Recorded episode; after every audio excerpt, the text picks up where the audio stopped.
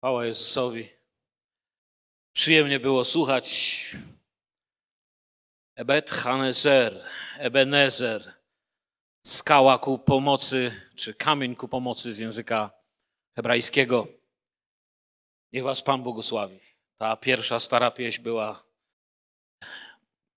Chciałbym dzisiaj, przyjaciele, bracia, siostry, zborownicy, wrócić do ostatniej księgi Biblii, do księgi objawienia, czy jak wolicie, apokalipsy według świętego Jana. Już teraz pamiętamy, że apokalipsa nie znaczy dużo dymu, tylko apokalipsa znaczy odsłonięcie, zajrzenie za zasłonę. Kiedy apokalipsę robię, to zaglądam, co tam jest i odsłaniam. To jest apokalipsa. Dzisiaj chciałbym zobaczyć na z powrotem wracać do początków i zobaczyć na tych siedem niezwykłych listów, które Pan daje do zborów. I wiecie, pierwsza moja myśl była, kiedy patrzyłem na to, żeby zrobić takie dość szczegółowe, ale potem pomyślałem, że właściwie oczywiście mógłbym coś powiedzieć na temat każdego z tych miast, do których Pan kieruje swoje słowo, prawda? I, i, i powiedzieć coś na temat Efezu i, i po prostu Smyrny, Pergamonu i tak dalej. Ale chciałbym może bardziej taki ogólny przegląd zrobić tego, co ten, który mówi do siedmiu kościołów Azji, uważa za ważne i istotne w naszym życiu. Chcę Was poprosić, abyście również czytając Apokalipsę według świętego Jana, pamiętali zawsze kim jest Bóg. Żebyście pamiętali, że Bóg jest miłością. Bóg jest również ogniem trawiącym. Bóg jest Bogiem świętym. Po prostu pamiętać, kim jest Bóg. Czytając te listy, musimy pamiętać, kim jest Bóg, pamiętać Jego motywy, pamiętać ofiarę na krzyżu. Wiecie, czasami zauważyłem, że czytając te listy, czy w ogóle całą apokalipsę Jana, to ludzie mówią: mm, Nie, nie, nie, dziękuję bardzo, tam ja się za bardzo boję. Czasem boimy się tych listów, wiecie, jak takiego, nie wiem, wezwania do sądu. Lepiej nie czytać, lepiej nie wiedzieć. Albo jak, nie wiem, zdjęcia z kamery, z radaru samochodowego, że kto wie, coś aż narobiłem. Bóg nie patrzy na ciebie w ten sposób. Gdyby Bóg chciał patrzeć na nas w ten sposób, by nie było nas już. Jeśli Bóg ma listy dla Kościoła, to przyszło mi tak wczoraj do głowy, że nasz Kościół, nasz zbór, nasza eklezja nie powinien udawać, że nic nie ma w skrzynce. To jest tak, jakbyś wracał do domu, patrzysz, a był listonosz i w skrzynce masz jakiś list. I pomyślę, wiem, to jest pewnie może jakiś rachunek. Wiem, co zrobię. Nie wyciągnę go, nie będę musiał płacić. Płacić będziesz musiał. Tyle, że nie wyciągniesz i będziesz płacił więcej. Dlatego, że ci z elektrowni nie chcą ci zrobić krzywdy. Oni ci po prostu mówią, ile zużyłeś. I teraz, co Bóg próbuje powiedzieć do nas? Wiecie, jest napisane, że są to listy do siedmiu zborów. Tam jest napisane w Azji, ale wiemy, że są to listy do kościoła. Do siedmiu kościołów Azji. Słowo kościół jest tu użyte jako słowo eklezja, za chwilę powiem Wam coś więcej na temat tego słowa. Są to listy do wszystkich zborów. Właśnie z powodu słowa eklezja wiemy, że są to również listy do nas. Mamy tam wymienione oczywiście miasta znajdujące się dzisiaj na terenie Turcji. Efes, Smyrne, Pergamon, Tiatyrę, Sardes, Filadelfię i Laodyceę. Większość z nas wie, co jest napisane do Filadelfii i do Laodycei. Bo wiemy, że do Filadelfii był najlepszy list, a do Laodycei to ten najgorszy. I najczęściej myślimy sobie tak, Filadelfia to my, a Laodyceja to ci, których nie lubimy. Ale jest to dla Kościoła. Każdy z tych listów podkreśla, by zwrócić uwagę na co? Na to, co Duch mówi do Kościoła, do Eklesji. Używam to słowo, dla niektórych z Was może nowe, Niektórzy bardzo dobrze wiecie, że jest to słowo użyte dla kościoła z języka greckiego i często pojawia się w Nowym Testamencie. Historia tego słowa jest taka, nie chcę robić wykładów z greki, ale tak ciekawie jest wiedzieć, że słowo eklezja oznaczało kiedyś takie zgromadzenie ludzi, bo dzisiaj to jest zgromadzenie, dobrze mówię? Nawet czasami mówimy, że idziemy na co? Na zgromadzenie. Właśnie idziemy na eklezję. Eklezja oznaczało zgromadzenie ludzi zwołanych w jakiejś ważnej sprawie, ale eklezja to nie byli wszyscy. Do eklezji na przykład, jeśli mówimy politycznie teraz o eklezji, o znaczeniu tego słowa zgromadzenie, nie mogli sobie pójść na przykład niewolnicy. Eklezję stanowili pełnoprawni, wolny obywatele, mający możliwość decyzji i dyskusji. To była eklezja. A więc jesteście pełnoprawnymi obywatelami Królestwa Bożego z paszportami Czech, Słowacji i Polski, ale Królestwa Bożego i macie prawo do zgromadzenia, prawo do odpowiedzi na to, co jest powiedziane. Jesteście kościołem Pana Jezusa, eklezją. I do eklezji są te listy. Amen. Zrozumieliśmy to? Teraz możemy popatrzeć, co, albo inaczej. Teraz już wiemy, do kogo jest. Ale kiedy wyciągamy list ze skrzynki, to różnie reagujemy, prawda? Na przykład, kiedy wyciągam list ze skrzynki i piszę że nadawcą, odbiorcą jestem ja. Mirek Kulec jest odbiorcą albo tam któryś z nas. Kiedy patrzę, widzę, że list jest do mnie. Na co patrzymy w drugim miejscu? Patrzymy od, od kogo? Jak widzisz, że koperta jest urzędowa, pieczęć i pisze komenda rejonowa policji, sobie myślisz, ciekawe, gdzie była ta kamera, której nie widziałem. Ale kiedy pisze na przykład, że wyciąg z banku, ciekawiej się robi. Kiedy pisze, że ciocia Kowalska, jeszcze lepiej. I tak dalej, prawda? I tu patrzymy teraz, kto mówi, a więc wiemy do kogo, do eklezji, do zgromadzenia. Eklezja, tak jak jeszcze raz podkreślam, wybranych. Jesteście wybrani nie dlatego, że nam się wydaje, że jesteśmy wybrani, ale przez Jego miłosierdzie On nas wybrał a więc jesteśmy eklezja i otrzymujemy list od kogo? Kto jest nadawcą? W każdym z siedmiu listów mamy troszeczkę odsłoniętego nadawcę. W pierwszym liście nadawca odsłania się jako ten, który trzyma siedem gwiazd prawicy swojej, który się przechadza pośród siedmiu złotych świeczników. I tam mamy bardzo dużo siódemek w objawieniu. Mamy siedem duchów, siedem gwiazd, siedem świeczników. Pamiętamy, że siódemka, siódemka jeśli chodzi o hebrajski, o judaizm, oznacza pełnię, doskonałość, wykończenie. Alfa, omega, to jest siódemka. Od początku do końca pełnia. Prawda? Wiele mamy tych siódemek. Y, wiemy, że siódmego dnia Pan zakończył stwarzanie świata i co zrobił siódmego dnia? Stworzył najlepszą rzecz, jaką się da, wolną sobotę. Wolny dzień, odpoczął, tak. Wiele tych siódemek mamy i tutaj też tego mamy wiele, więc siedem gwiazd prawicy swojej, siedem świeczników, to symbolizuje duchowy obraz Kościoła. Dzisiaj nie chcę o tym mówić wykładu, bo to normalnie cały jeden wykład mógłbym zrobić. Drugi, w drugim liście nadawca podaje się jako pierwszy i ostatni, który był umarły, a ożył. I zaczynamy rozpoznawać naszego przyjaciela tutaj, prawda? Który z naszych przyjaciół był umarły i ożył? To jest waszym przyjacielem. Później mamy ten, który ma ostry miecz obosieczny, a więc pierwszy, ostatni, który był i ożył. Trzeci list zatytułowany jest ten, który ma ostry miecz obosieczny. I my również, ci, którzy czytamy Słowo Boże, wiemy, że chodzi o Słowo Boże. To jest nasz ostry miecz obosieczny. Ostry miecz obosieczny. Pamiętam taką sytuację, kiedy jeszcze Pracowaliśmy, kiedy byłem jeszcze pastorem więziennym, kapelanem więziennym. Jeden z naszych braci wzięło go na głupie dowcipy i w bramie, gdzie sprawdzała nas straż, spytali, czy nie mamy bromy, y, broni. A on mówi, że on ma przy sobie miecz.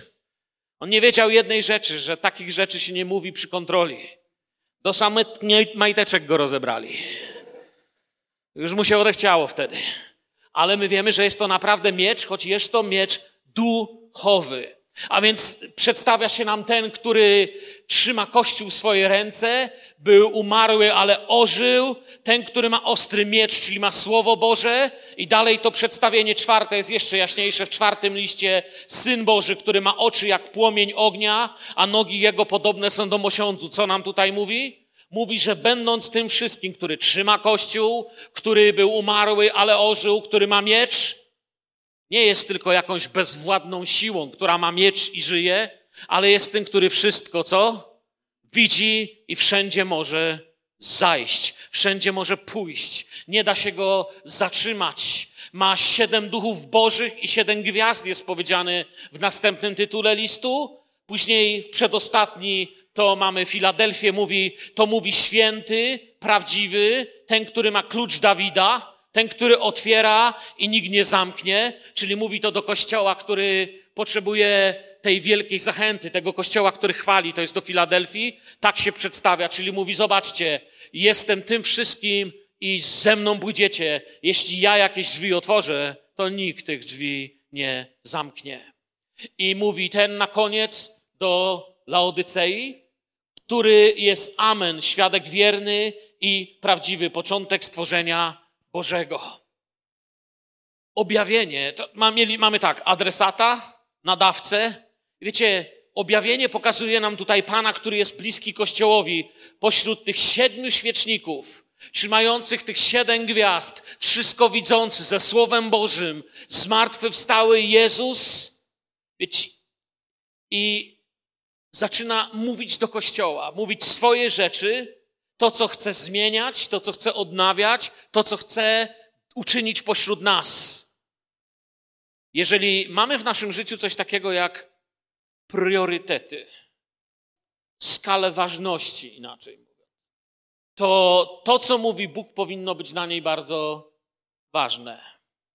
I w każdym z tych listów, teraz chciałbym, wiecie, nie bójcie się, nie zrobię teraz dokładnej, szczegółowej egzegezy każdego listu, bo gdybym to zrobił, no to podejrzewam, że jedlibyście obiad około 22. Chciałbym ogólnie zobaczyć teraz, co do każdego z tych zborów jako takie ważne mówi. Taki bardzo ogólny przegląd, bo jeśli będziemy robić dokładny przegląd, to potrzebowalibyśmy na każde nabożeństwo tylko jeden z tych listów wziąć. Ponieważ każdy z tych listów ma swoje tło, ma swoją historię. Każde z tych miast ma niezwykle bogatą historię, ma wydarzenia i doświadczenia, które zdarzyły się ludziom, którzy mieszkają w tym mieście. Nie wszystkim z nich żyło się łatwo. Pierwsze mamy Efes. I w Efesie powiedziane jest coś o miłości. Coś o miłości.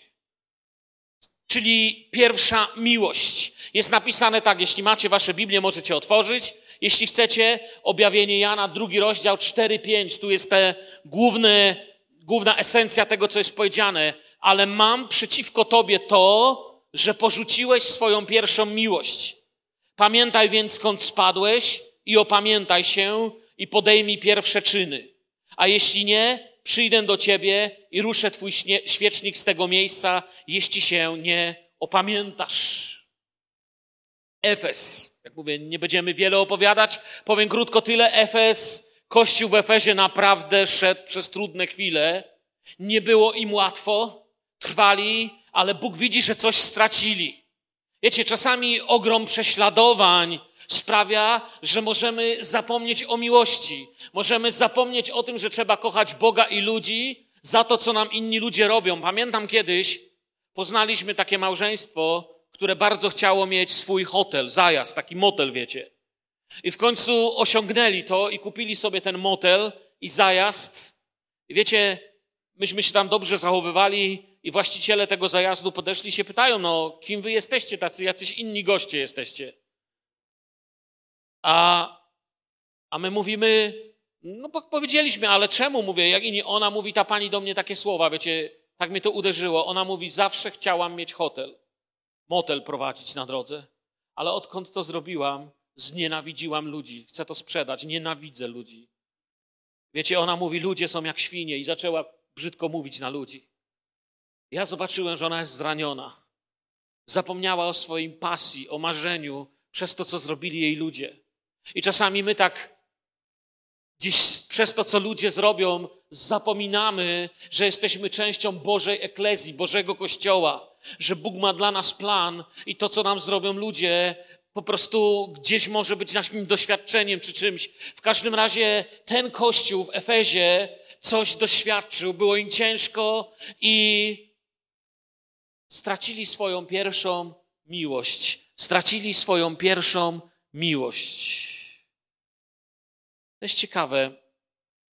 Tu jest napisane: porzuciłeś Twoją pierwszą miłość.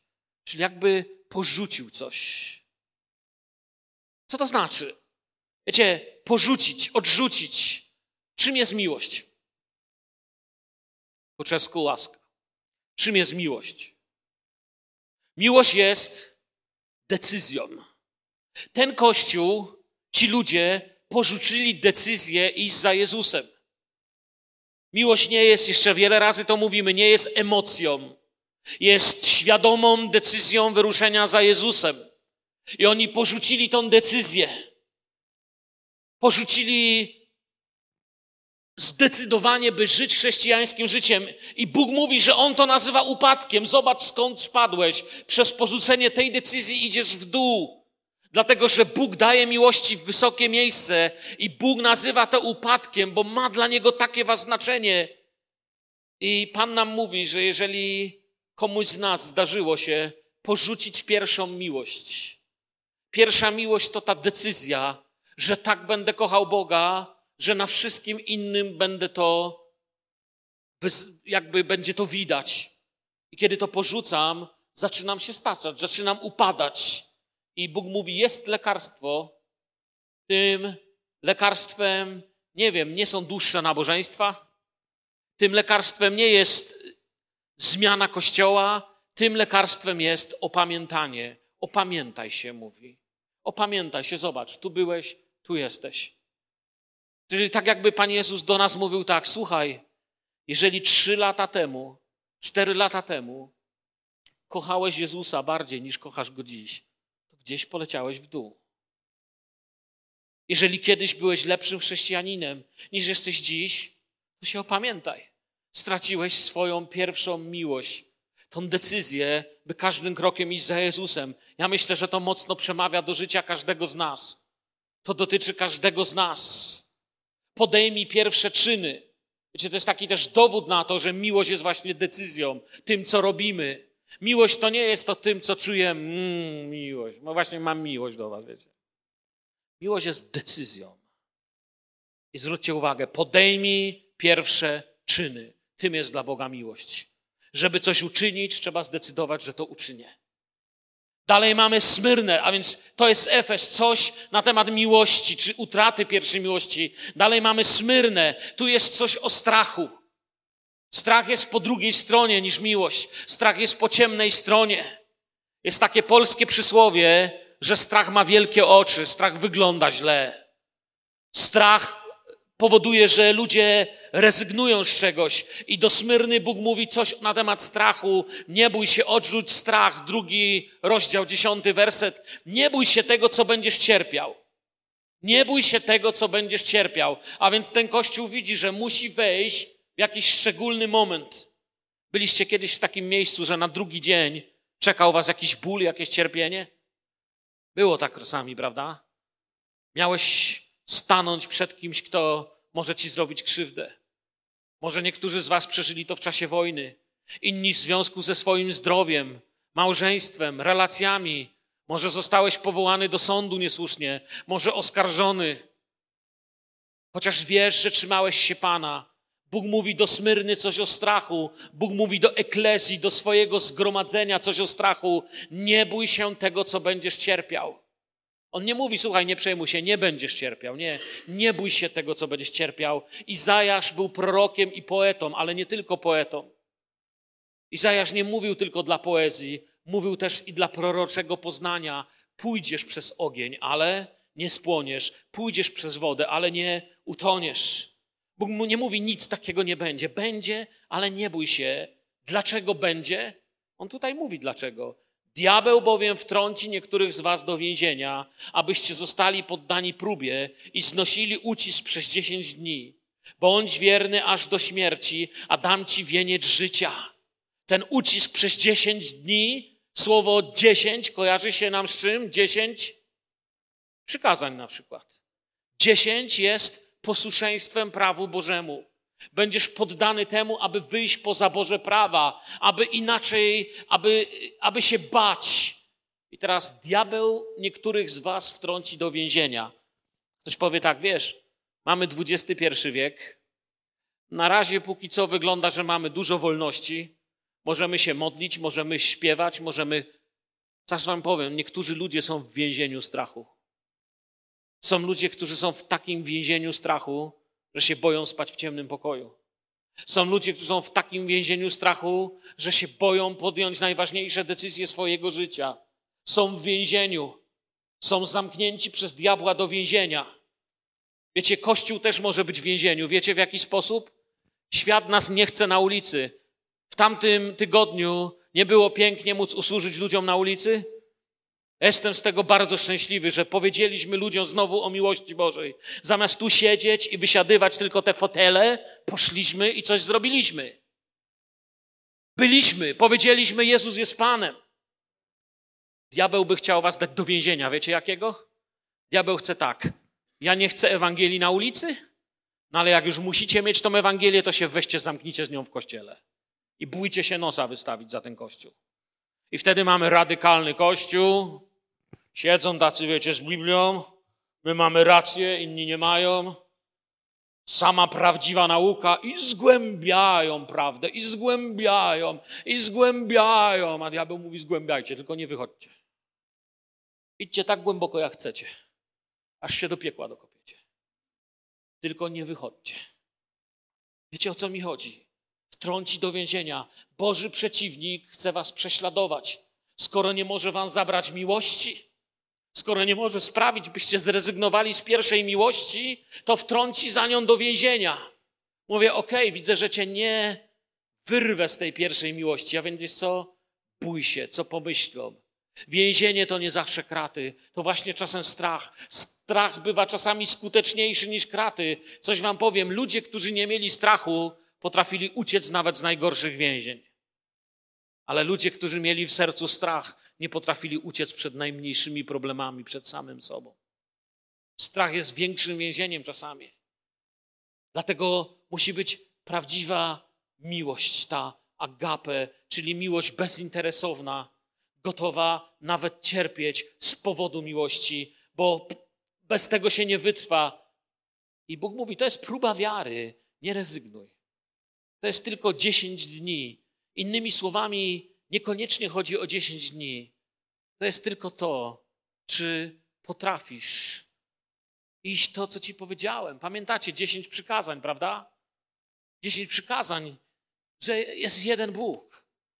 Od tego się to zaczyna. I cała reszta ma logiczną konsekwencję. Nie chcę się powtarzać tego, co tu już mówiłem. Wytrwa. Próby się kończą. Wiecie, co robią próby?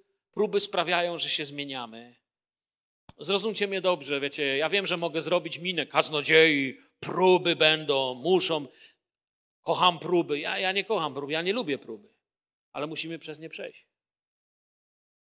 Ja nie chcę wam powiedzieć, że no wiecie, cieszcie się, że macie próby. Cieszcie się, że macie Pana, że możemy to przejść. Bywa ciężko, ale możemy być razem. Trwaj do końca. Większy jest ten, który jest w tobie, niż ten, który jest w świecie. Innymi słowami, to, co jest w tobie, jest silniejsze niż to, co cię próbuje wyrwać. Strach zrujnował już wielu ludzi. Dalej mamy dwa zbory. Razem je wezmę. Dwa, dwie ważne rzeczy. Tak jak mówiłem, coś o miłości było, coś o strachu, a teraz mamy Pergamon i Tiatyra, coś o zwiedzeniu i niebiblijnej tolerancji. Czyli jakby troszeczkę takie dwie bardzo bliskie siebie sprawy. Z jednej strony zwiedzenie, a z drugiej taka tolerancja na wszystko. Pierwszy mamy napisane Pergamon, objawienie, drugi 2,14.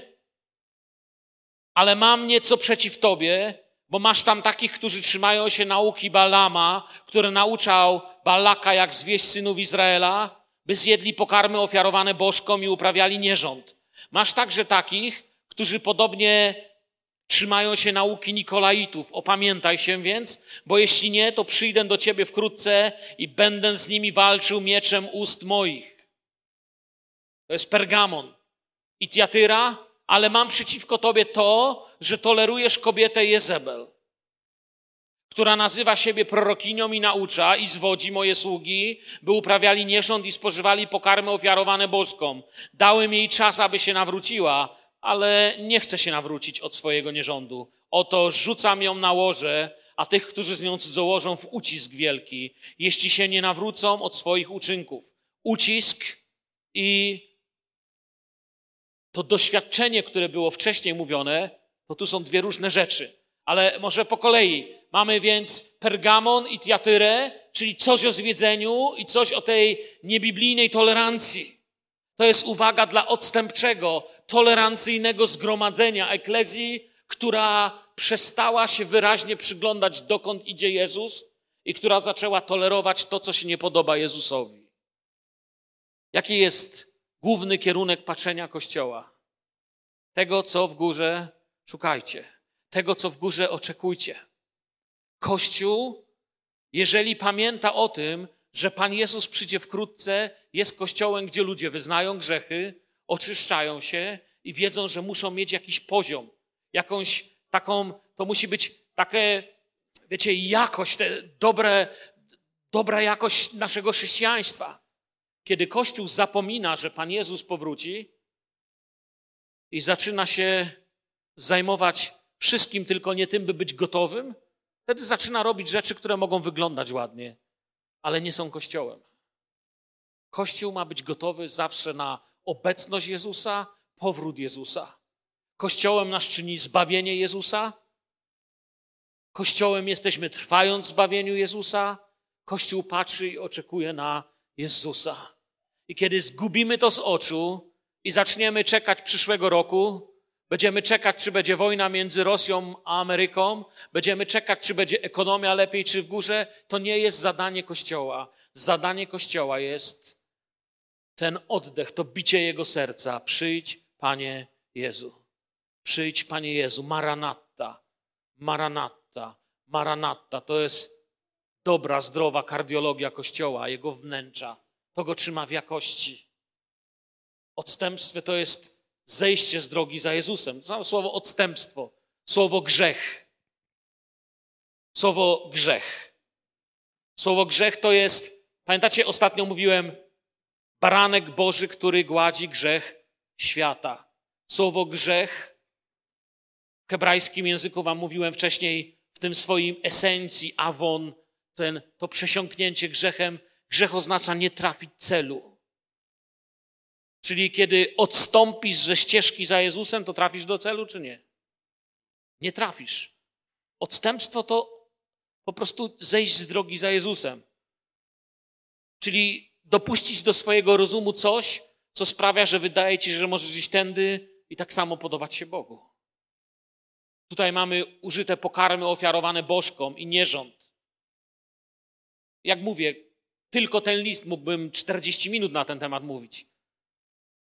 Ale przede wszystkim chodzi właśnie o wyjście poza wolę Bożą dla Jego dzieci, zajmowanie się tym, co Bóg uważa za szkodliwe. I jeszcze prościej mówiąc, nie możesz służyć dwóm panom. Nie możesz mieć takiego pana i takiego pana. Nie możesz w niedzielę ścigać diabła, gonić diabła, a w poniedziałek dzwonić do pastora, przepraszam, nie wiem, czy jestem zbawiony. Nie możesz służyć dwóm panom i pomiędzy tym chodzić. Kościół idzie albo za Panem, albo za czymś innym. I tutaj akurat były pokarmy ofiarowane bożkom. Wiecie, ktoś powie pokarmy. W tamtym czasie pokarm to było coś bardzo ważnego. I dzisiaj zresztą jest, tylko dzisiaj często tego nie doceniamy, bo mamy dość wszystkiego. Zajmowanie się tym, co Bóg uważa za szkodliwe, zamiast tym, co Bóg uważa za nasze powołanie. To jest to, co dzieje się, kiedy dwóch panów mamy. Jesteśmy własnością Jezusa, więc nie możemy mieć romansu z diabłem. To jest to, co nieraz mówiłem, że nie możemy pytać, ile mogę grzeszyć, żeby nie stracić zbawienia. Czyli jak daleko mogę odejść od Boga, żeby ciągle nie pójść do piekła. Ale pytać, jak blisko mogę Ciebie chodzić, Panie, by bardziej przypominać Jezusa w moim życiu. Jesteśmy Jego własnością. Owocem relacji z diabłem jest co? Kłamstwo. Diabeł jest ojcem kłamstwa. Romans z diabłem to jest zawsze kłamstwo, bo on jest ojcem kłamstwa. Masz z nim romans, będziesz kłamać. Potem przyjdzie obłuda, bo będziesz musiał w tym żyć i przekleństwo na nasze życie. Tolerowanie tego musi się skończyć w naszym życiu. Wynikiem tego są potem różnego rodzaju problemy i brak błogosławieństwa. I tutaj jest też, że mam za złe, to ta niewiasta Izebel jest wspomniana. Widzicie, znowu o samej Izebel można by było książkę napisać. Izebel była podstępną, zakłamaną żoną Ahaba. Była gorsza niż jej mąż. Ja nie wiem, gdzie on znalazł taką żonę. Była gorsza niż wszystko. No, no tak mówi Słowo Boże, się śmiejecie, no tak jest. Nie mówi, że mam ci za złe, że tolerujesz Ahaba, tylko mówi Izebel, bo ona była, ona miała pewne cechy diabelskie w sobie. Pamiętacie winnicę Nabota?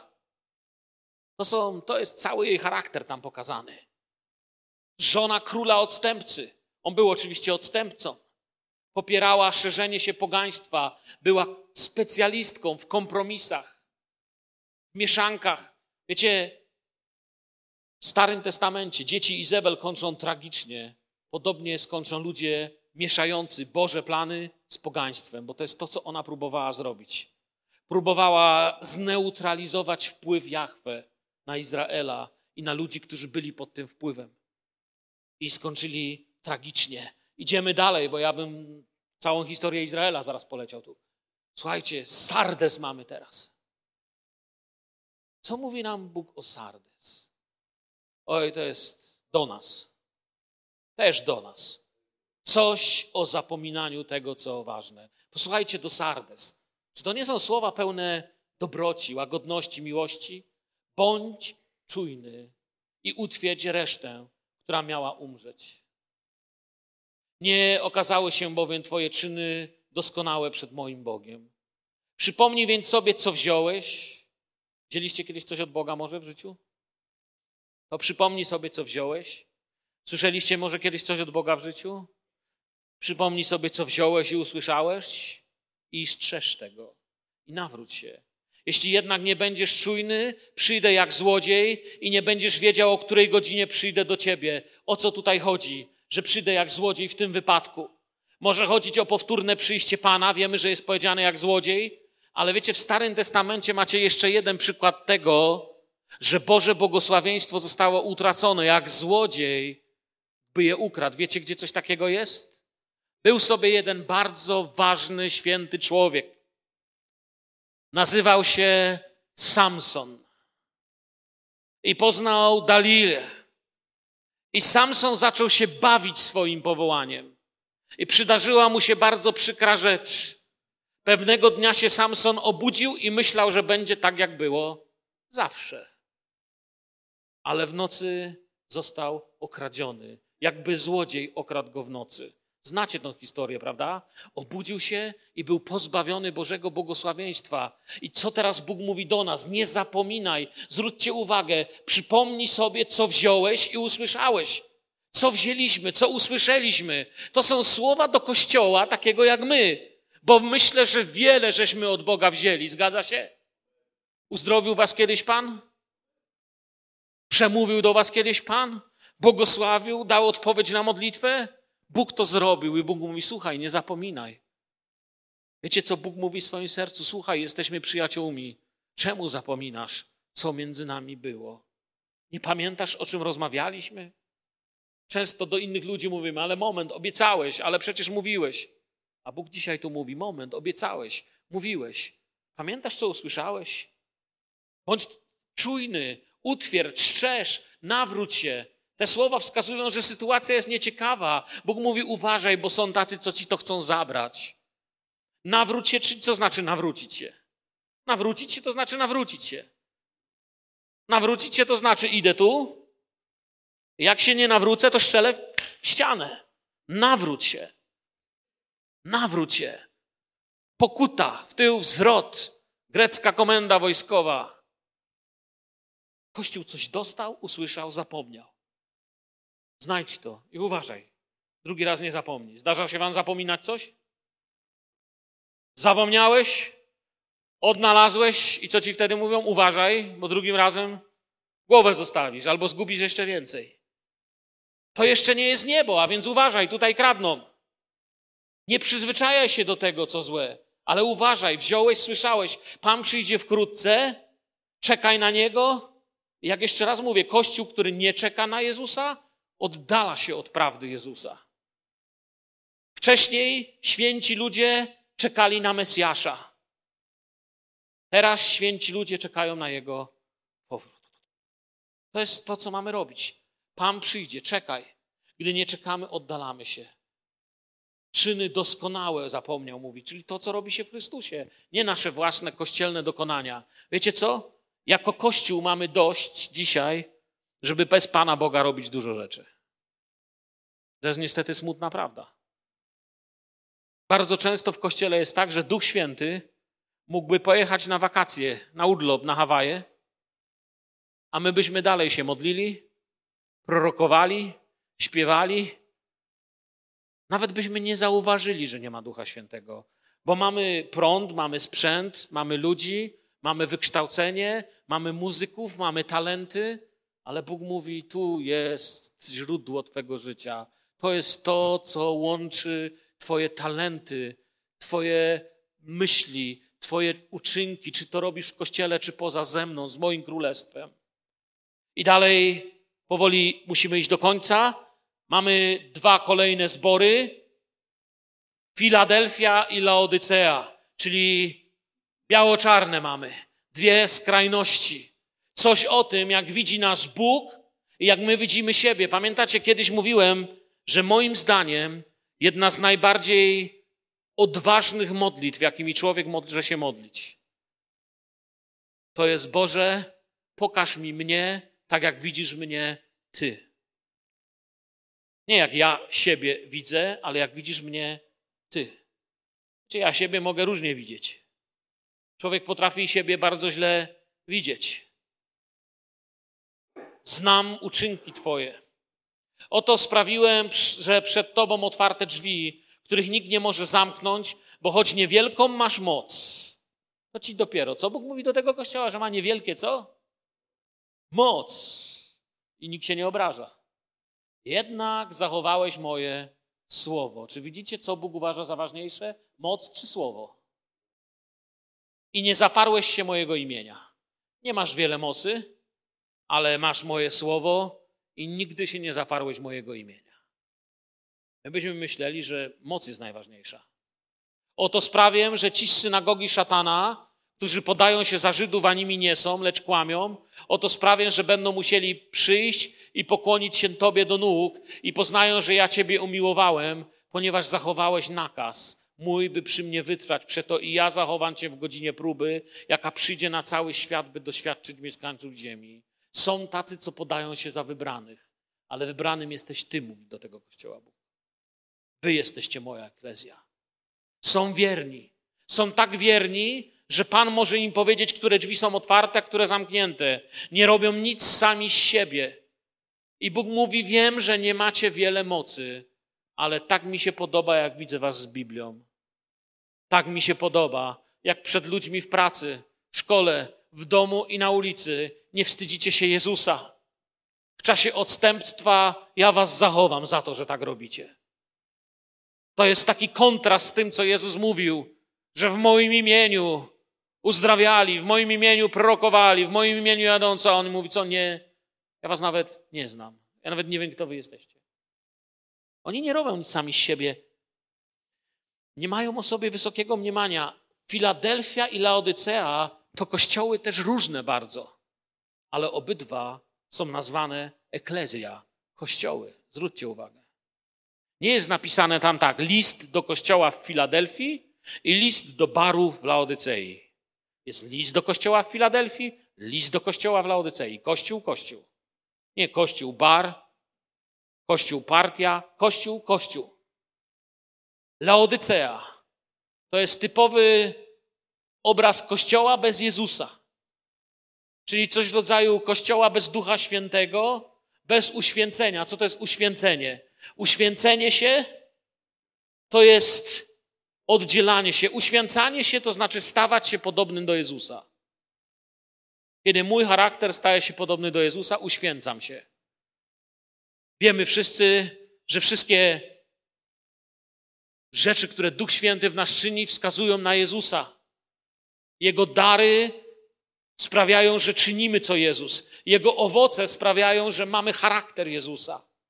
Laodycea to typowy obraz kościoła bez tego, bez charakteru Jezusa, bez zmiany życia, bez białych szat, bez Ducha Świętego. Mówi: weź sobie, posmaruj oczy. Wy nic nie widzicie. Macie widzieć prawdę o świecie, o kościele, a nie widzicie w ogóle. Nie dostrzegacie, co się dzieje. I teraz Bóg mówi do nich tak: Znam Twoje czyny. Nie jesteś ani zimny, ani gorący. Obyś był zimny albo gorący. A skoro jesteś letni, a nie gorący, ani zimny, zamierzam Cię wypluć z moich ust. Ale słowo, co? Byście nie mieli Biblii, to byście powiedzieli, ty pokaż, naprawdę w Biblii tak pisze? No ale wiecie, że tak. Chociaż mówisz, to jest ciekawe, zobaczcie, chociaż mówisz, co mówisz? Jestem bogaty. Wy biedaku. Wiecie, mój mentor, kiedy byłem jeszcze pastorem w Estonii, mój mentor mi mówił zawsze, że mówi Mirek, kiedy człowiek ma mądrość, to 100 dolarów wyda tak, jakby miał 1000 dolarów. A kiedy człowiek jest głupi, to 1000 dolarów wyda tak, jakby nie miał ani 100. Ja się nieraz o sobie przekonałem na tym. Miałem pieniądze, nie mam pieniędzy. Ale się nie przyznałem wam, żebyście nie myśleli, że jestem głupi. Inny obraz siebie mam, a inaczej Bóg widzi. Myślisz, że jesteś bogaty. Wiecie, kiedyś ktoś w Polsce powiedział taką anegdotę. W jaki sposób można najgorzej wydać ostatnie pieniądze, jakie ci zostały? Co jest szczytem rozrzutności? Słyszeliście to? Najgorzej ostatnie pieniądze, jakie ci zostały, możesz wydać, kupując sobie nowy portfel.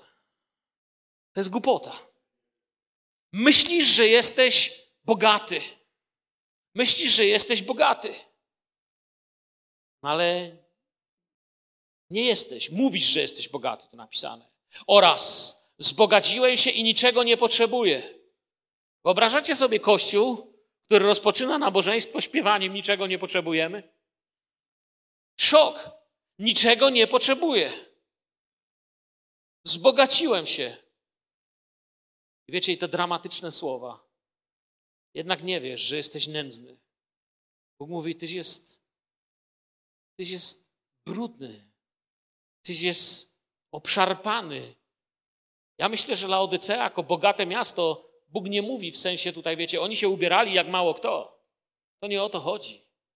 Ale Bóg mówi, ja was widzę inaczej. Jesteś brudny, nędzny.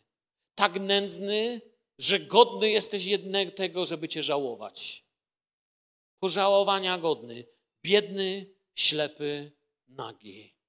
Biedny oznacza, że nie może zmienić tego, że jest nagi. Bo jak jesteś biedny, to się nie możesz ubrać.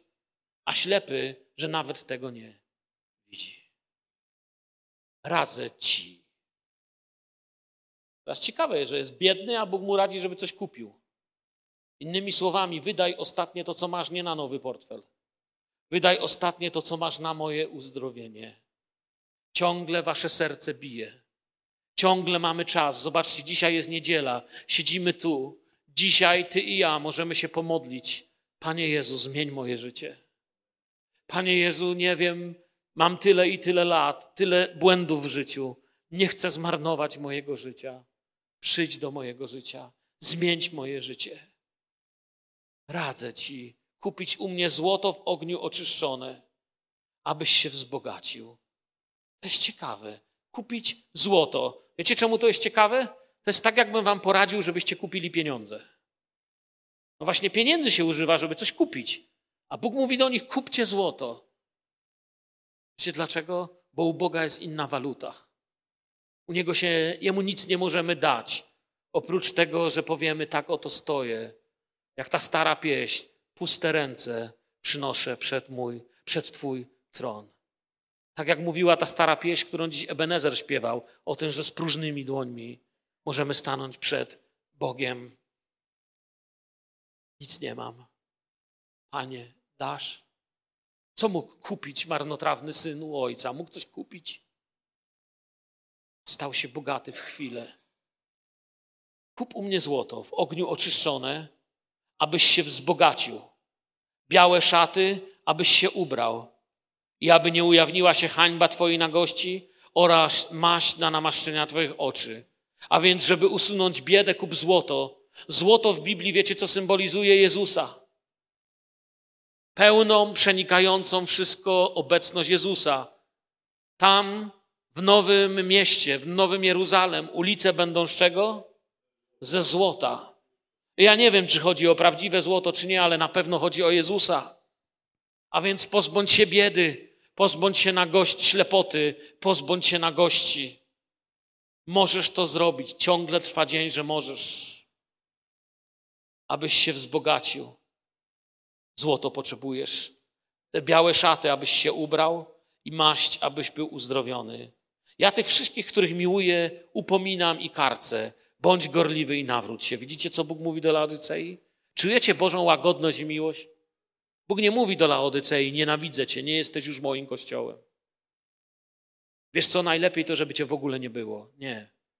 Upominam cię. Karce. Słowo karce w tym biblijnym znaczeniu oznacza podnoszenie, zachętę, budowanie, pouczanie, wskazywanie, oświetlanie, podawanie ręki, żeby powstać. To nie chodzi o karcenie, że go tak spierze, że nie będzie się mógł ruszać. Wiecie, dla mieszkańców Laodycei to słowo letni miało sens.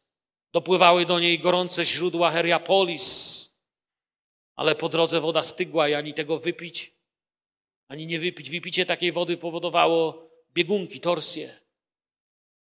Więc oni rozumieli, Bóg do nich mówi, wiecie co, jesteście w takim miejscu waszej historii, że wypłynęliście gorący, z czasem może staniecie się całkiem zimni.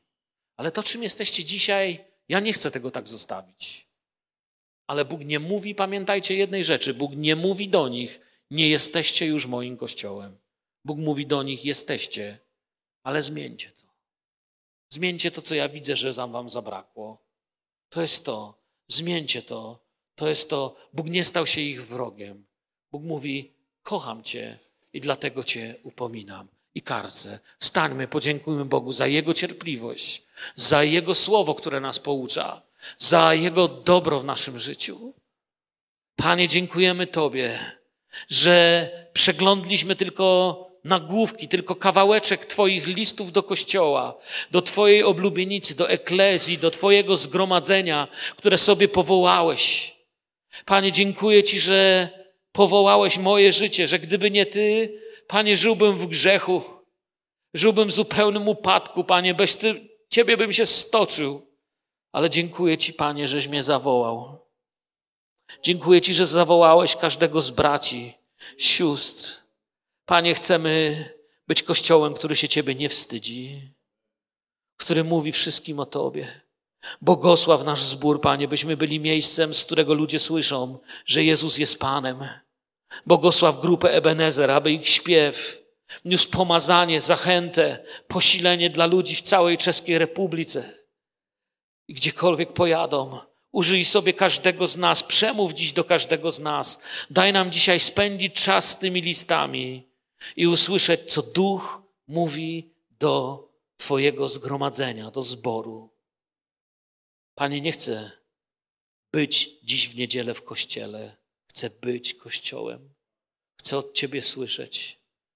Dotknij się tych z nas, którzy gdzieś się pogubili, którzy się wystraszyli, którzy postanowili, że nie będą już tak kochać jak kiedyś, bo im ktoś krzywdę zrobił. Przyjdź, nasz wielki lekarzu, pocieszycielu, posilenie, błogosławie to zgromadzenie. Proszę Ciebie, uzdrawiaj je posilaj, daj nam być świadkami Ciebie. W imieniu Jezusa. Amen.